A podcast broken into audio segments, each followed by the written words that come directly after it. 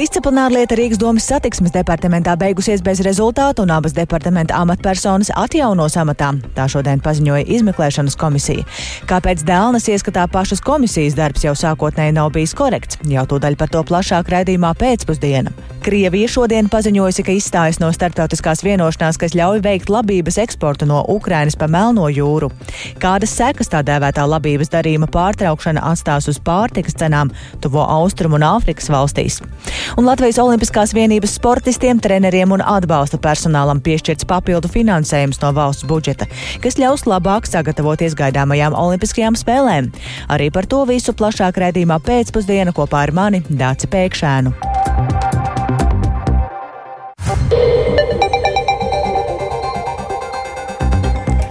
Pulkstenis ir 4,5 minūtes. Skanējumu sāk ziņu raidījums pēcpusdienā, skaidrojot šodienas svarīgus notikumus. Studijā Dāca Pēkšēna. Labdien!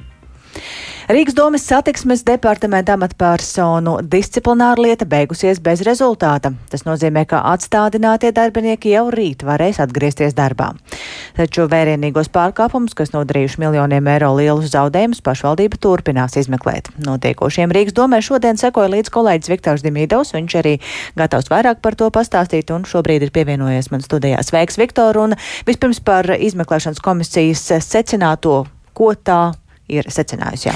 Labdien! Nu, Pirmkārt, es eh, labprāt atgādinātu klausītājiem, ka vēl pirms bija sākusies šī disciplināra lieta, kurā izmeklēja satiksmes departamenta amatpersonu iespējamos pārkāpumus ceļu remontu organizēšanā, tad eh, dienesta pārbaudēja sākotnēji bija secināti trīs pārkāpumi. Arī to šodien eh, atgādināja izpildirektors Jānis Lange.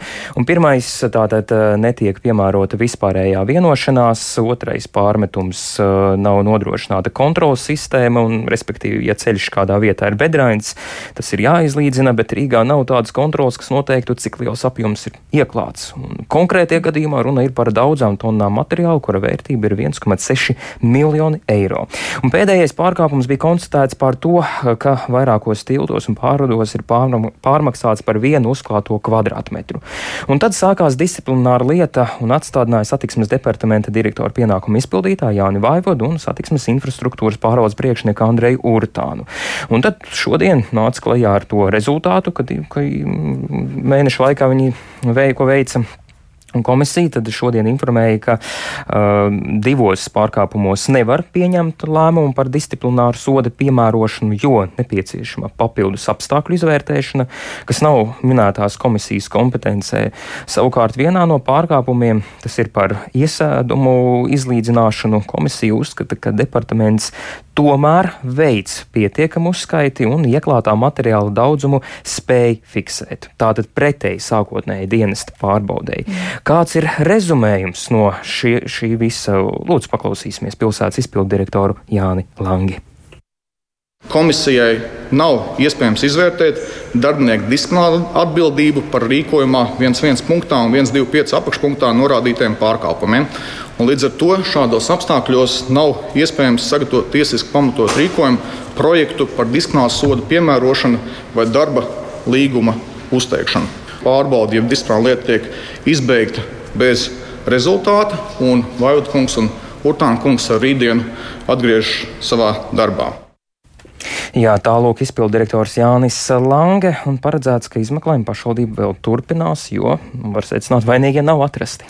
Nu, tik tālu par pašu rezultātu, bet ko par to saka par satiksmu atbildīgie politiķi? Jā, uzreiz pēc minētā ziņojuma savu vērtējumu deva frakcija Jaunā vienotība, kuras divi galvenie deputāti, frakcijas vadītājs Olofs Pulks un vicemērs un vienlaikus arī mēra pienākumu izpildītājs Vilnis Čirs teica, ka komisijas darbs bijis paviršs, jo viņu prāt Lange ir balstījies balstījies uh, tikai uz uh, sava padomnieka Māra Knoka atzinumiem, un, un, un uh, tad savukārt arī Pūks uh, teica, ka atstādināt divas augstas amatpersonas nu, šajā karstajā būvs sezonas laikā, nu, jūlijas, jūnijas, jūlijas, tas tieši būvniecības ziedu laiks, un, un, un tad, tad tas bija galīgi garām viņu prātu. Un uh, paklausīsimies arī uh, vicemēra Vilņa Ķirša teikto. Konstatēto pārkāpumu ir iespējams sniegt tikai pēc padziļinātas pārbaudas veikšanas. Tas nozīmē, ka nevis komisijai nezinu, nav bijis laiks un viņi nav, nav izveikusi to pārbaudi, ja, Bet tieši tas bija jāizdara jau iepriekš, tas bija jāizdara piedošanu izpildu direktoram, viņa komandai. Nu, faktiski viņi ir savus secinājumus izdarījuši faktos, faktiski nebalstītā pārbaudē. Ja? Nu, ko tad attiecīgi pēc tam skrien pakaļ? Jā, nu tālūk, Vilnis ķirsis. Bet tas nozīmē, ka Vaivots un Urtāns šobrīd paliek savos amatos?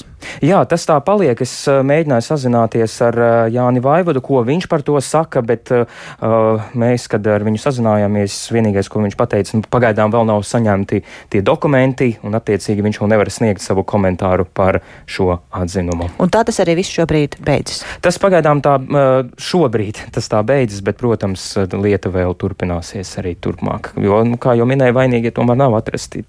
Bet kas to tālāk izmeklēs? Pašvaldība. Tas, tas, tas, tas būs pašvaldības turpmāk arī kompetence kā līdz šim.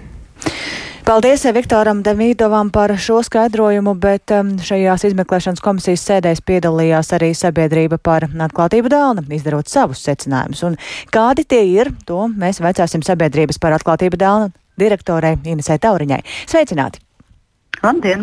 Cik daudz šajā procesā jūs bijāt iesaistīti? Daniela, nu, sāk, sākotnēji tika iesaistīti šajā uh, izmeklēšanas procesā, kad mums uzrunāja izpildirektors. Un, uh, un, lai mēs novērotu šo izpilddirektora uh, deleģētā Mārka Noka izmeklēšanu, taču, protams, tas uh, mūsu darbs ātri teikt, um, apver, no, tika nolikts uz pauzes, jo Vilnis Irs nāca ar šo ierosinājumu izveidot jaunu komisijas sastāvu, bet arī šajā mēs esam iesaistīti. Un, uh, tas, ko mēs šodien publicējam, ir tātad mūsu ziņojums par šīm konkrēti divām sanāksmēm, kad šajā jaunajā komisijā mēs piedalījāmies jaunās komisijas komisijas darbā un arī uh, to novērtējām. Un tad, ko jūs esat secinājuši? Nu jā, kopumā tad, tad skatoties uz šīm faktiski četrām, ja tehniski sešām darba dienām, kad šī jaunā komisijas, jaunā, komisija jaunajā sastāvā varēja turpināt iesākt, tad Dāna uh, secina, ka šīs te, nu, disciplināra lietas izmeklēšanas process demonstrē to, kā mēs ar tiesiskiem līdzekļiem it kā likumīgi varam panākt, ka kāds process beidzās bez rezultātu. Nu, to jau mēs arī nu pat dzirdējām, ka komisija nebija, uh, nebija nu, nevarēja četrās dienās pārliet, iedziļināties visos lietas dokumentos un, uh, un pārbaudīt papildus informāciju un jautājumus, kas komisijai radās, jo tiešām tas laiks bija par īsu. Ja tas būtu bijis jau eh, daudz, daudz laicīgāk, tad iespējams būtu cits rezultāts. Bet arī jūs teiktu, kā kurā brīdī īsti tas komisijas darbs nogāja no tā pareizā ceļa? 29. jūnijā, kad eh, domē tika pieņemts lēmums par uh, izmeklētāju maiņu. Un, Tad, principā, tika apstādināts viss izmeklēšanas darbs, un tas, ne, nu, tas uh, neturpinājās iesa, nu, tajā loģiskajā ceļā, kā vajadzēja tam turpināties, jo jaunā komisija jaunajā sastāvā jau nespēja turpināt uh, šo lietas izmeklēšanu pēc būtības, kā to vajadzēja darīt. darīt. Viņi pārbaudīja to iepriekšējā izmeklētāja darbu, kas, ir, nu, kas no vienas puses bija varbūt pamatot, jo daži deputāti uh, teica, ka tas ir svarīgi, bet no otras puses, pēc tādas izme, nu, disciplināla lietu izmeklēšanas loģikas, tas nebija pareizi. Nu, respektīvi, jūsu skatījumā varētu tā nu, vispārināti teikt, ka šim komisijas darbam īstenībā nekādas jēgas nebija. Uh, jā, un vēl sliktāk. Uh, šis rezultā, nu, šī izmeklēšana palika bez rezultātu. Tas vienkārši tika apturēta šī izmeklēšana ar šādu jaunas komisijas uh, izveidi. Kā būtu bijis nu, tas pareizākais, varbūt tas risinājums, kā būtu bijis jā, jādara? Nu, mēs tā dzirdējām, ka Girša kungs jau ļoti laicīgi zināja par šādu, šādu izmeklēšanas uzsākšanu. Tātad pēc iespējas ātrāk eh, to, šo jaunu komisijas sastāvu organizēt. Tas būtu tāds kompromiss, vai arī nejaukties esošās izmeklēšanas darbā. Un, eh, nu, protams, ka tad mēs varētu jautāt, jā, bet ja rezultāti neapmierina, nu, tad ir atkal cits procedūras un cits ceļš, kā, to, kā to darīt. Un šajā brīdī, nu, tad, kad labi, tagad rezultātu nav šai, šai komisijai mm. rezultāti, kā, nu, kā varētu labot šo situāciju? Kā tagad būtu pareizāk rīkoties jūsu skatījumā? Um, es jau saprotu, ka uh, izpildirektors un, un Rīgas doma, tad uh, es tā, kā mēs dzirdējām iepriekš no žurnālistu komentētā, veids savu izmeklēšanu, nu, tie tā tad ir tie nākamie ceļi. Jo, protams, ka viens ir disciplināra lieta, bet uh, tas, ka, tas, ka pārliecināties, vai kādi pārkāpumi ir bijuši, uh, tas jau nevienam neaizliedz to turpināt darīt. Tāpat tās, uh, mēs zinām, ka knabi ir iesaistīti šajā jautājumā, un, uh, un, un uh, tikpat labi arī. Uh, Rīgas būve, ne tikai izpilddirektors, var uh, turpināt šos jautājumus vērtēt un, uh, un skatīt, un veidot savus izmeklēšanas komisijas vai tam līdzīgi. Kā, tur, uh, ļu, protams, ir ļoti, ļoti svarīgi, ka šis jautājums tā arī nepaliek, uh, tiks, šodien nepaliek un nebeidzās šī jautājuma skatīšana. Bet, ja mēs paraugāmies tā plašāk, nu, viss šis, kā notikušais, kā var at, kādu ietekmi var atstāt uz pašu domas darbu, vispār uz uzticēšanos domai kā tādai? Un to varbūt uh, šajā brīdī mēs atturēsimies vēl vērtēt, jo mēs gatavojam vēl tādu plašāku ziņojumu par visu šo procesu. Jo tiešām šis uh, šodienas vērtējums ir tiešām par šī, šīs komisijas uh, tām sešām, darba, sešām dien, darba dienām. Vai, vērtēš, vai tas varētu ietekmēt tādu kopumā ģenerāli skatoties uh, uzticēšanos Rīgas domai? Protams, es domāju, ka tas jau ir ietekmējis uh, no jūnija beigām, kad šīs diskusijas par to, ka uh, šīs domas deputātu diskusijas jau ir sākušas uh, skaļi, diezgan interesanti uh, formulēties. Bieži vien ir sajūta, ka, sajūta, ka mēs kā iedzīvotāji varam jau sākt uh, nu, tiešām gan izvēlēt popkornu, sēdēt un klausīties domas sēdes, cik dažreiz absurdi un neloģiski šie savstarpējā komunikācija tur notiek. Jūs jau teicāt, ka šis ir tātad starp ziņojums. Mm -hmm. Kad būs tas pilnais jūsu ziņojums pieejams? Mēs vēl, mums vēl, protams, ir jāizpēta un jāskatās, kas, kāda būs sekot rīcība no domas puses, jo šodien mēs zinām, saņēmām šo te, iepazinām, tad redzējām šo um, izpildirektoru paziņojumu. Um, iespējams, šīs nedēļas laikā, bet vēl paskatīsimies, cik daudz darba vēl prasīs jaunā, jaunie notikumi, jaunā informācija, ko, ko vēl varbūt kā deputāti ar kādiem paziņojumiem nāks klajā un kādiem priekšlikumiem, kā risināt situāciju. Iespējams, nākamnedēļ. Jā, paldies. Šajā brīdī saku sabiedrības par atklātību Dēlna direktorei Inesai Tauriņai, un tātad būtiskākais, ko dzirdējām viņas sacītā, ka organizācija secinājusi, ka disciplināra lietas izmeklēšanas komisijas darbs jau sākotnēji nav noticis korekti un viss process demonstrējot to, kā ar tiesiskiem līdzekļiem panākt procesa beigšanos bez nekāda rezultāta. Mēs turpinām programmu ar to, ka Kremlis šodien paziņojis, ka līgums par Ukrainas labības eksportu pa Melno jūru de facto ir beidzies, un tas noticis jau dažas stundas pirms tā oficiālā termiņa beigām. Maskava ar šādu paziņojumu ir nākus klajā pēc tam, kad naktī uz pirmdien divos sprādzienos ticis bojāts Krīmas tilts. Lai noskaidrotu, vai abi notikumi ir saistīti un kādas sekas tas varētu būt um, līguma nepagarināšanai, to vaicāsim kolēģim Rihardam Plūmēm. Sveiks, Rihard! Vārdu un uh, saka, jā, kādēļ Krievija ir lēmusi šādi rīkoties. Jā, labdien! Pirmkārt, jāsaka, ka vienošanās uh, tika parakstīta pērn 22. Uh, jūlijā un vairāk kārt ir tikusi iepriekš pagarināta, taču šoreiz tas nav noticis un kā iemeslu Krievija min, ka tās vienošanās puse joprojām nesot pienācīgi īstenota. Te jāmin, ka Maskava jau ir draudējusi pamest šo vienošanos jau nedēļām ilgi tieši šo iebildumu dēļ, un Kremļa runas vīrs Dmitrijs Peskovs šodien ir sacījis, ka tiklīdz tikšot izpildīta Krievijas daļa, Krievijas puse nekavējoties atgriezīsies pie graudu vienošanās. Krievijas ārlietu ministrija vēsta, ka no 18. jūlija brīdienas tā atsauc garantijas kuģošanas drošībai un Stambulā tikšot likvidēts apvienotais koordinācijas centrs, kas tika izveidots līdz ar šo vienošanos. Krievijas ziņu aģentūras arī vēsta, ka Maskava ir paziņojusi Turcijai, Ukrainai un ANO, ka tā ir pret darījuma pagarināšanu. Un tiek norādīts, ka 16. jūlija rītā Odesas ostu ir pametis pēdējais kuģis, kas joprojām gan atrodas Melnajā jūrā, Turcijas tūmā. Vēl nesen ANO ģenerālsekretārs Antonio Guterres nosūtīja Krievijas prezidentam Vladimiram Putinam vēstuli par vienošanās pagarināšanu, un tajā viņš norādīja, ka atbalsta šķēršļu atcelšanu Krievijas mēslojumu eksportam par ko tad Maskava ir vairāk kārt sūdzējusies.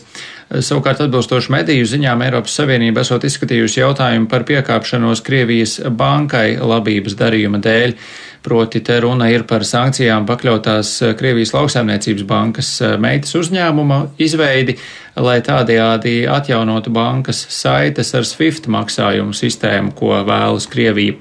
Tomēr par visiem šiem jautājumiem, acīm redzot, vienošanās vismaz pagaidām nav tikusi panākta. Paklausīsimies, ko vēl nesen par iespējām pagarināt vienošanos teica Baltānam padomnieks nacionālās drošības jautājumos Džeks Salivans. Look, I can't predict what Vladimir Putin will do. He has been all over the map. Es nevaru paredzēt, ko darīs Vladimirs Putins. Šo daudzo mēnešu laikā viņš ir veltījis visdažādākos izteikumus saistībā ar šo iniciatīvu. Iespējams, ka Krievija no tās izstājas. Ir iespējams, ka viņi turpinās.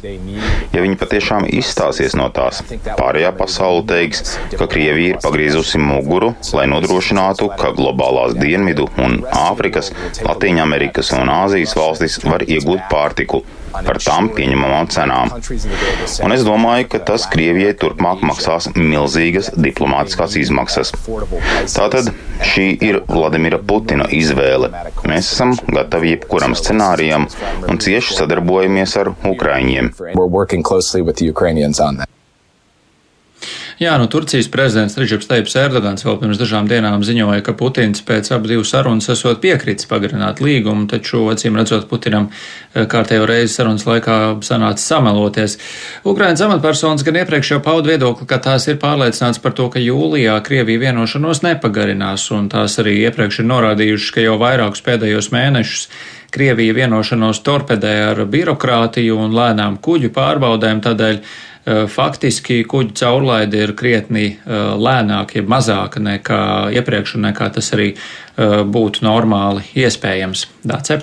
Jā, Rihard, mēs šajās, die, šajā šodien savās programmās esam daudz runājuši par Krīmas tilta spridzināšanu, vai šīs dienas Kremļa paziņojumam varētu būt kāda saistība ar to? Nu, Kremļa paziņojums patiesi izskanēja vien eh, dažas stundas pēc tam, kad tika ziņots par Krimas tilta spridzināšanu, precīzāk eh, uzbrukums tiltam tika veikts naktī, bet Krievija ar šo paziņojumu klajā nāca šorīt.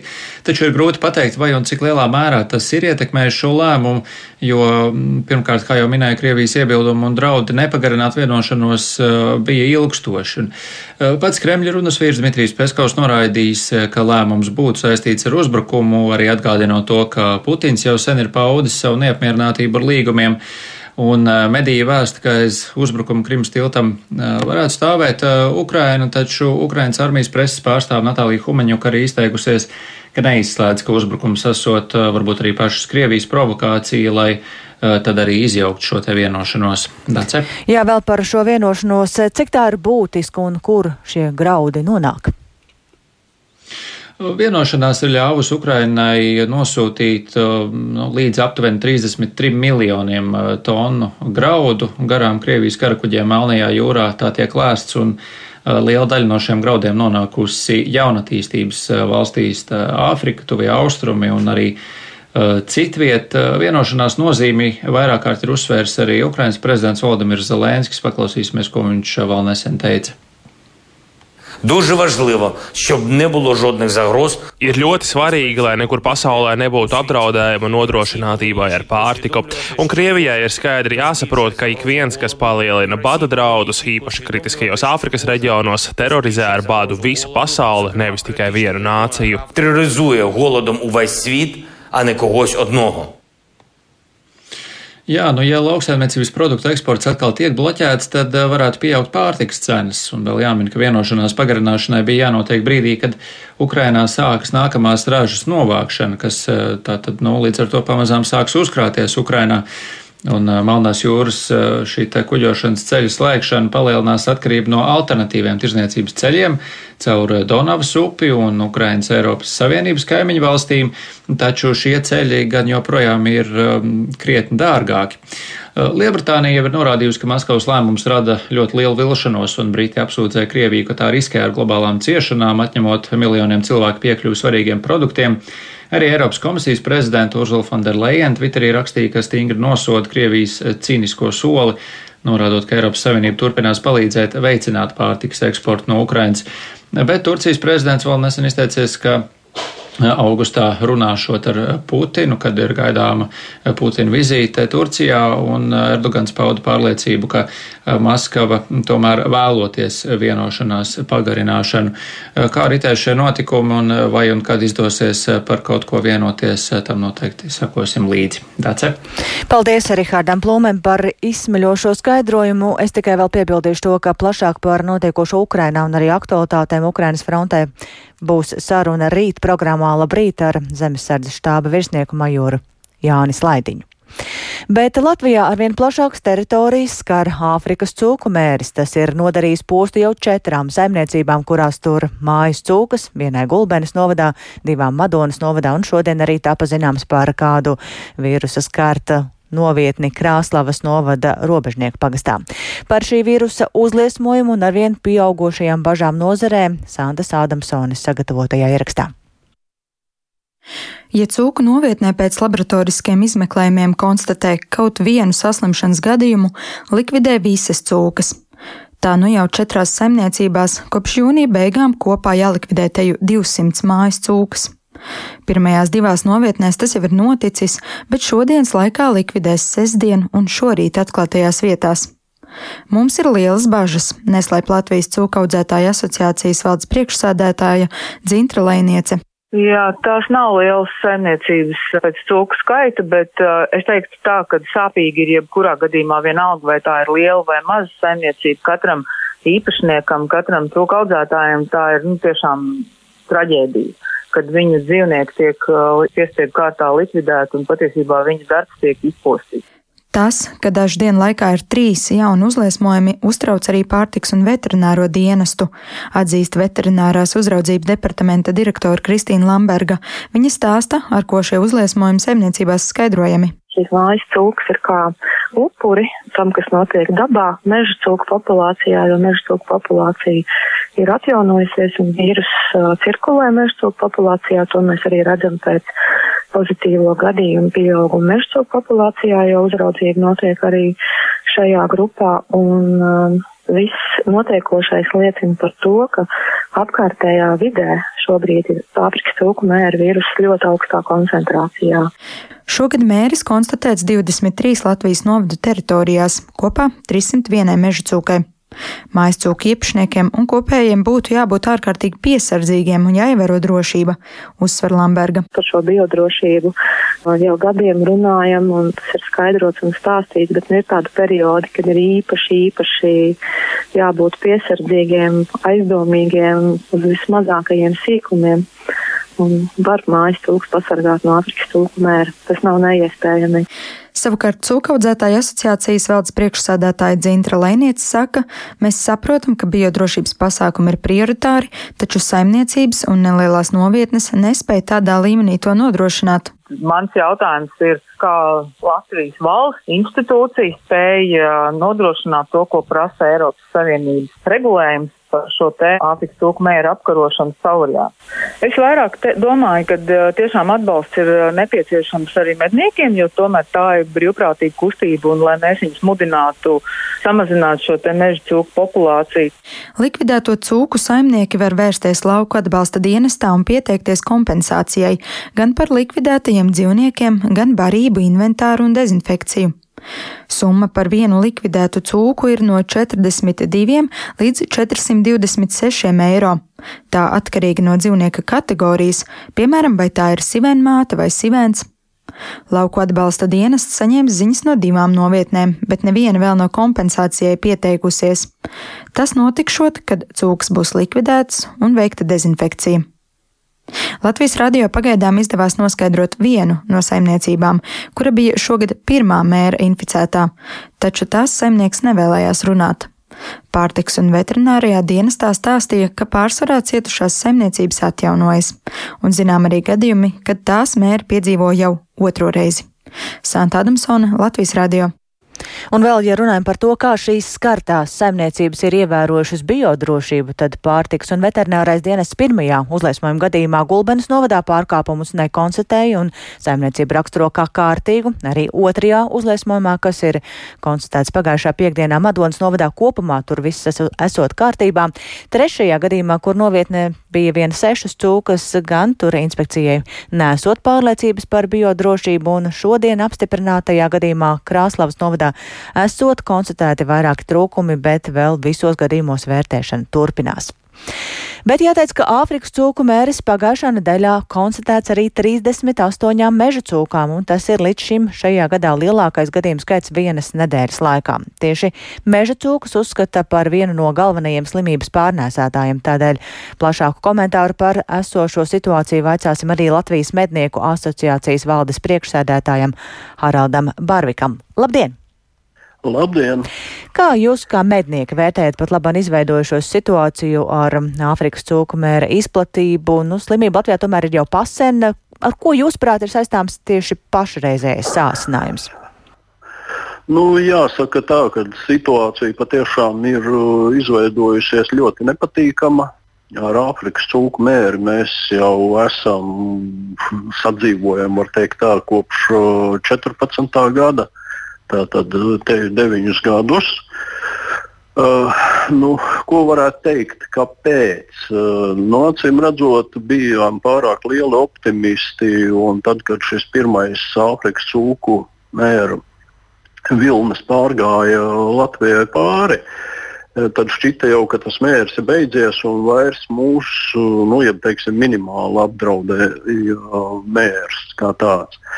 Nu, izrādījās, ka tas nu gluži tā nav, ja, jo viņš tomēr dabā saglabājās, meža cūku populācija sāka atjaunoties, bet infekcija nekur nebija pazudusi. Līdz ar to pašu tagad mēs redzam, ka iet otrais vilnis, un nu, viņš nu, pēc mēroga daudz neatpaliek no pirmā gājiena, kad mums populācija bija maksimāli liela. Bet kas un kam tagad būtu šajā brīdī jādara, lai mazinātu to izplatību? Lai mazinātu, es domāju, tur ir komplekss jārīkojas. Viens ir, protams, medniekiem ir aktīvi jāmedī, bet ir jāsaprot arī reālā situācija, kad uh, nu, mednieki nav darbinieki. Ja? Tātad tas, viņi dara savā no darba brīvajā laikā, kad ir uh, iespējas to darīt. Un ir tam vēl blakus faktori. Viens patreiz siltajā laikā ļoti daudziem tomēr nav kur šos liemeņus uzglabāt kas ir uh, arī pēc uh, pārtiks veterinārā dienesta prasībām jāveic it īpaši inficētajos vai piegulošajos reģionos.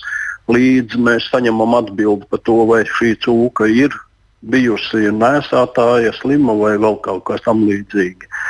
E, tas ir ierobežo, ierobežojošs faktors, vēl ierobežo, protams, administratīvi.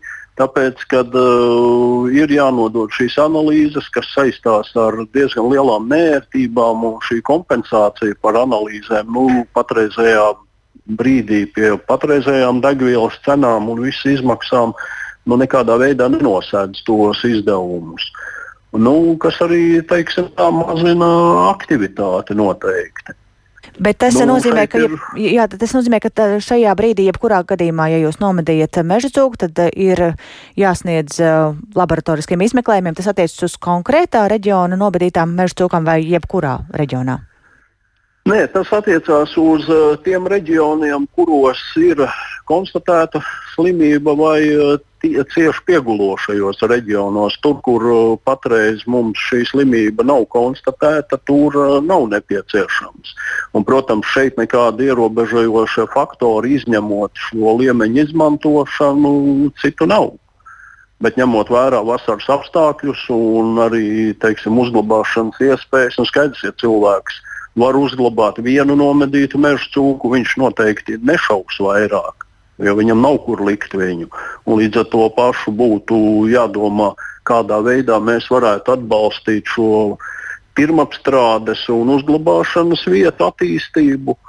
Un, attiecīgi, tad jau tālāk jādomā visiem kopā, kā risināt. Mm -hmm. Jo patreizējā situācija diezgan, diezgan bezcerīga. Jā, varbūt jūs tā pavisam īsi varētu pateikt, ko medniekiem un ne tikai medniekiem būtu mežā kopumā, ko ne, noteikti nedrīkstētu darīt.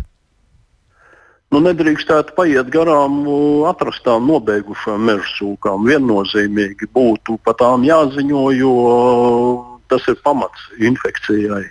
Un tad jau tālāk rīcība, protams, aktīvāk medīt, iespēju robežās maksimāli medīt. Šobrīd uh, Nu, teiksim, tā varbūt pat piemirstot arī drusku par medību ētiku, jo šodien ir jādomā par infekcijas apturēšanu, nevis uh, par kaut kādām nu, teiksim, lietām, kur mēs varam pucēt sev spalvas. Jā, paldies! Mēs šajā brīdī sarunājāmies ar Latvijas mednieku asociācijas valdes priekšsēdētāju Haraldu Barviku, jo pēdējās nedēļās strauji tātad ir pieaudzis Āfrikas cūku mēra gadījumu skaits, kas konstatēti meža cūkām un ir skārtas arī vairākas cūku audzēšanas ikdienas novietnes. Bet nu par teātri. Vadības maiņa Nacionālajā teātrī iespējams notiks bez domstarpībām. Uzreiz pēc Māra Vītola izvēlēšanas par Latvijas Nacionālā teātra jauno vadītāju. Sociālajos tīklos un medijos plaši izskanēja šī teātra cilvēku neapmierinātība un arī neizpratne par konkursa rezultātiem. Publiskas diskusijas par vītulu piemērotību sociālajos tīklos nerimst joprojām parādījušies arī ieraksti, ka līdz ar teātra vadītāju maiņasot, citēju, sākuši krāties arī darbinieku atlūgumi, cik pamatot ir šādi apgalvojumi un vai teātra darbiniekiem izdosies rast kopīgu valodu. Situācija šodien centās skaidrot kolēģi Agnija Lazdeņa un klausāmies plašāk viņas ierakstā.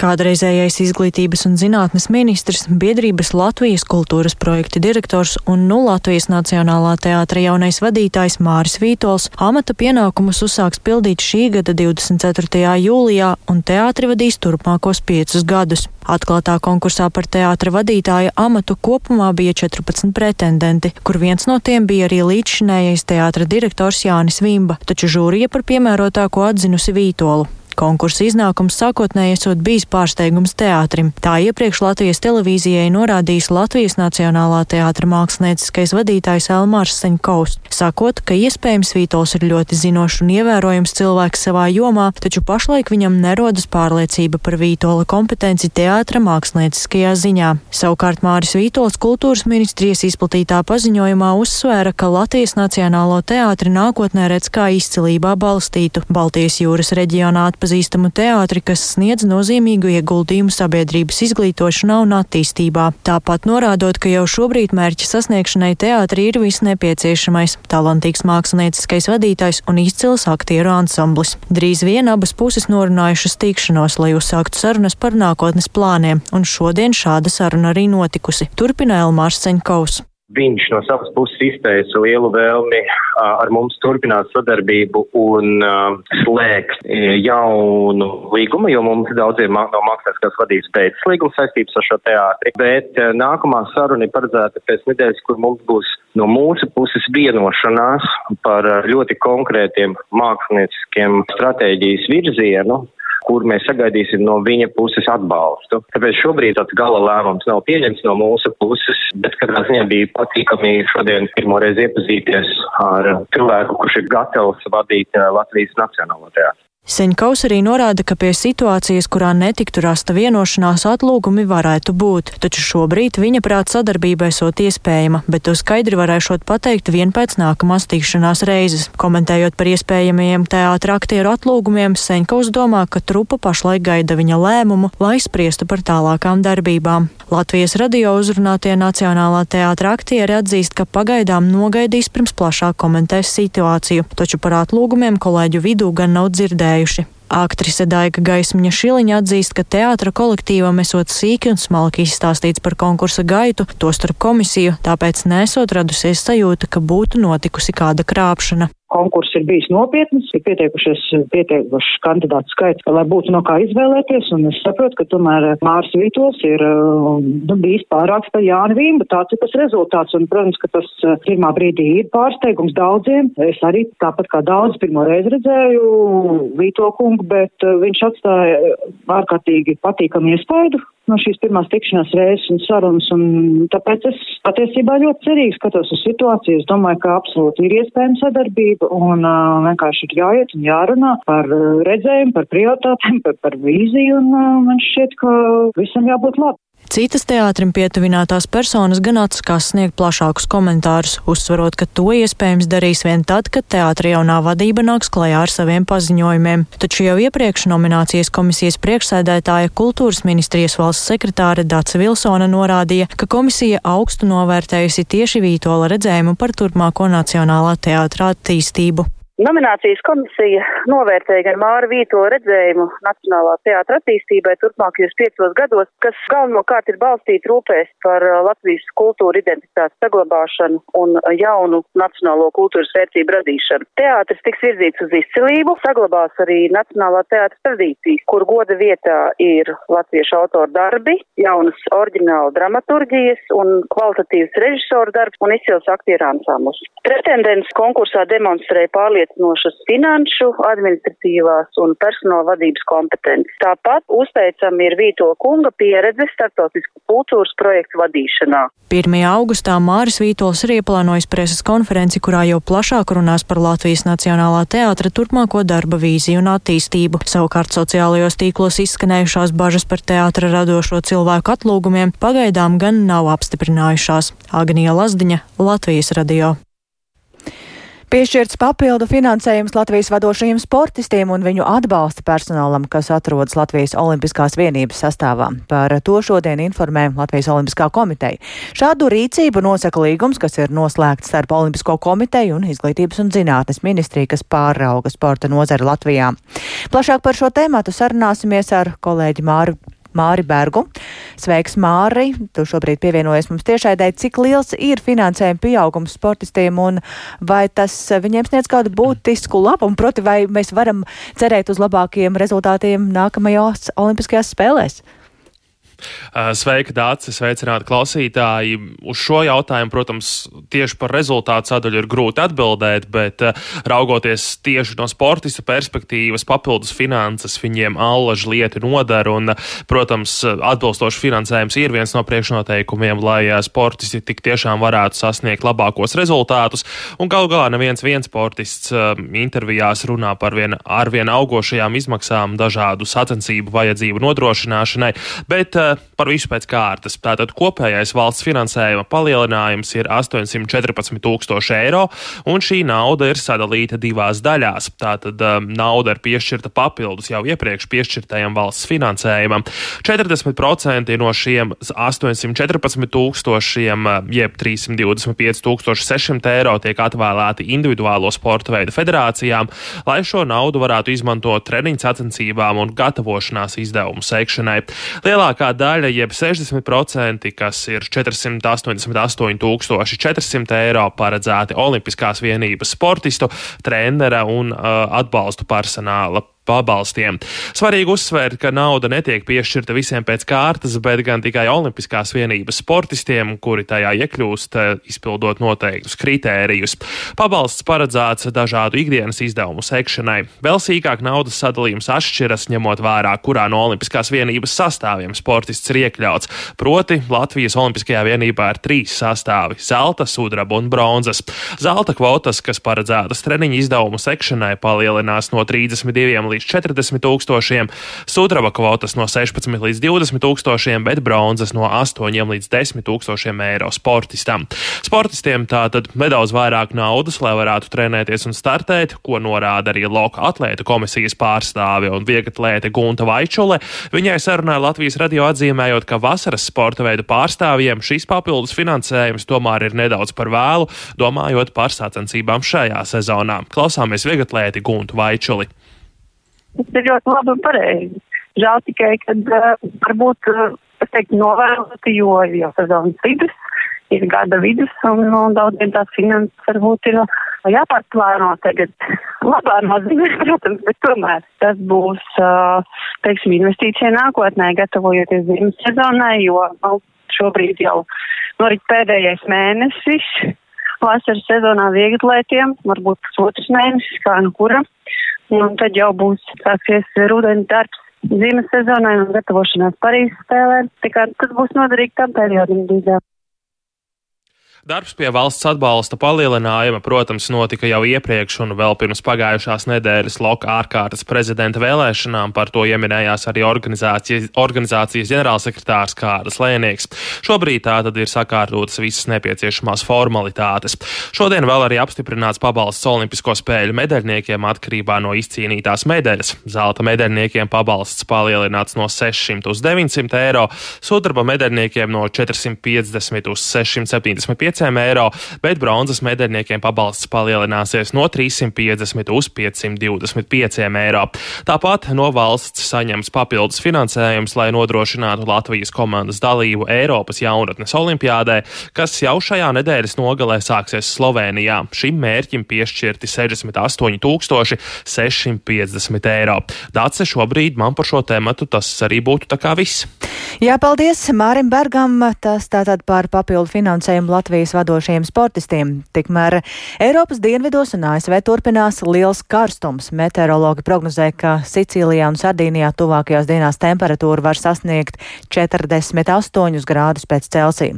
Karstums valda arī Grieķijā, Turcijā un Balkānos, un šajās dienās var tikt pārspēti vairāki vietējie karstuma rekordi šajās teritorijās. Un ko tas īsti nozīmē šo valstu iedzīvotājiem un kā tas ietekmē ikdienu. To vaicāsim Brigitai Kukjalko. Viņa dzīvo Dienvidgrieķijā, Peloponēsas puselā, Korintija apgabalā, mazā pilsētā, kas saucas Ksilo Castro.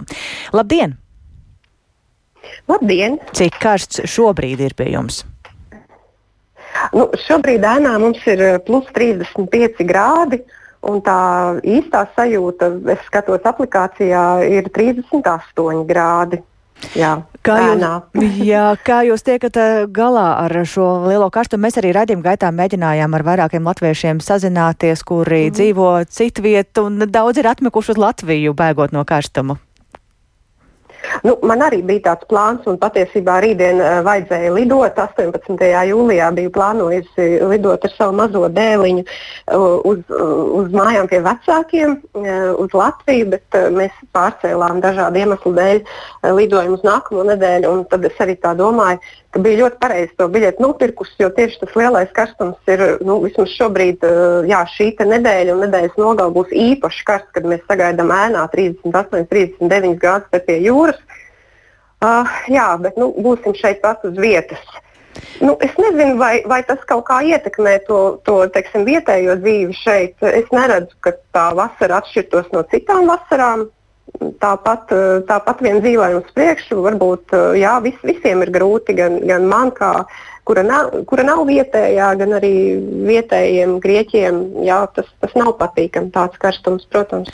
Bet vietējiem mērogiem tad varētu teikt, ka nu, tas nav ļoti liels karstums, vai, vai, un ir jau pierasts pie tāda, vai tomēr nu, šis ir tāds īpašs gadījums. Nav, nav tas īpašs gadījums. Man arī vīrs to vienmēr atgādina. Viņš ir grieķis. Viņš vienmēr saka, ka ka tas nav nekas unikāls un 40 grādi ir ēnā. Eh, tā mēdz būt, bet tā, nu, tā unikalitāte slēpjas tajā, ka tie karstuma viļņi un, un, un šīs dienas, kad ir tie 40 grādi vai tuvojas pie 40 grādiem, eh, ka tās ir vairākas. Ja? Nu, ne tikai teiksim, četras dienas, ja, bet mm, nezinu, nedēļa ilgs tas periods ir, vai pat divas nedēļas, kā šobrīd sola. Tas periods ir ļoti ilgs, un tad gan ir grūti izturēt. Jo Man liekas, visgrūtākais ir, ka, kad, um, kad temperatūra naktī sakars un uh, neatdziest, respektīvi, ka naktī nenokrīt zemāk par 30 grādiem. Ja tev naktī ir plus 31 vai plus 32, tu nevari atpūsties. Jā, jūs jau minējat arī to, ka vietējiem ir karstums diezgan eh, pierasta lieta, vai līdz ar to ir arī varbūt kādi triki, eh, ko ņemt vērā un ko, ko dara. Es nezinu, varbūt dzer nevis vienkārši ūdeni, bet dzer karstu tēju vai varbūt kaut ko citu dara tādu, lai, lai, lai vieglāk to pārnes, eh, pār, pārdzīvot. Nu, grieķi, jā, grieķi dzer augstu kafiju Mm, es arī no rīta dzēru, jau tas ir iegājies. Liekas, ka tāda ir norma. Ja? Es arī dzeru melno tēju, to gan nedara grieķi. Tas man ir saglabājies tāds paradums no Turcijas, kuras arī kādu laiku dzīvoju. Man liekas, ka melnā tēja ļoti palīdz. Dzeram ļoti daudz ūdeni, arī grieķi dzer ūdeni. Jā, tad atspērdzināšanās, un, protams, ejam uz jūru, mēs esam pie jūras. Tad, tad tas ir ļoti labs tāds atspērdzinājums. Es pa dienu neju jo tad ir pa karstu. Es esmu ar mazo, ar mazo, kurš ir septiņus pusi mēnešus vecs. Mans vīrs ir iepeldēties, jā, un, un tad vakarā mēs visi ejam pēc pusdienas septiņiem ārā. Nu, un tad tā vakara, vakara daļa izstiepjas tāda garāka, līdz kādiem desmitiem, pat pusdienas, lai mēs vismaz būtu ārā. Nu, vēl arī no rīta es eju pastaigā, jā, bet tas ir no pusdienas astoņiem līdz desmitiem. Desmitos es esmu atpakaļ mājās, lai, lai nu, jā, un tad, tad viss, un tad paiekšu. Jā, vai ir traucēts arī kādu iestāžu darbs, jo te bija ziņa, ka Atēnu akropola un citi iecienīti turismu objekti karstākajās stundās tiek slēgti, lai nu, tomēr pasargātu apmeklētājus. Ir ziņas vēl par kādiem iestāžu mm, slēgtām iestādēm? Mm. Nu, nē, tā īpaši nav, nav dzirdēts, bet, bet, bet tas ir tāds lokāla rakstura. Man liekas, nu, ka jā, pats teiksim, muzejs izlemj, ka jā, viss šobrīd viņi nu, nestrādās to dienas vidu, jo diemžēl turisti un viesi arī nesaprot, cik tas ir bīstami. Jo, piemēram, mums arī Kslokastrā šeit tagad dienas vidū, nu tagad jau vairs nav dienas vidus, ir jau pieci, bet joprojām ir ļoti liels karstums. Patiesībā tas pīķis ir šobrīd 4, pulkstenis 5 ir viskarstākā temperatūra. Tad, tad tā, nu, visa tā akumulācija ir šobrīd. Neviens uz ielas nav. Un, ja kāds ir, tad tie, tad tie būs viesi, tad tie būs ārvalstnieki. Jā. Un tāpat ar, ar Akropoli. Nu, turisti iet, un, un, jo viņi ir atbraukuši no tālienes, ja, un, un, un viņi, ne, viņi nevēlas sēdēt viesnīcā. Tas ir saprotams. Bet kopumā nē, iestāžu darbs nav traucēts. Mm. Un, ja kaut kas ir jākārto vai slimnīca, vai kas visur ir arī kondicionieri, Diemžēl jā, tā, jā. tāda arī tā realitāte ir. Jā, nu, Paldies. Paldies un vēlam jums noteikti izturību jā. izturēt eh, karstumu. Tā bija Brigita Kjelko, runājam par Grieķiju un visā Dienvidē Eiropā valdošo lielo karstumu. Ar to izskan raidījums pēcpusdiena, ko veidoja Ilza Agīnta, Dāca Pēkšēna, Uldis Grīnbergs un Iveta Zvejniece.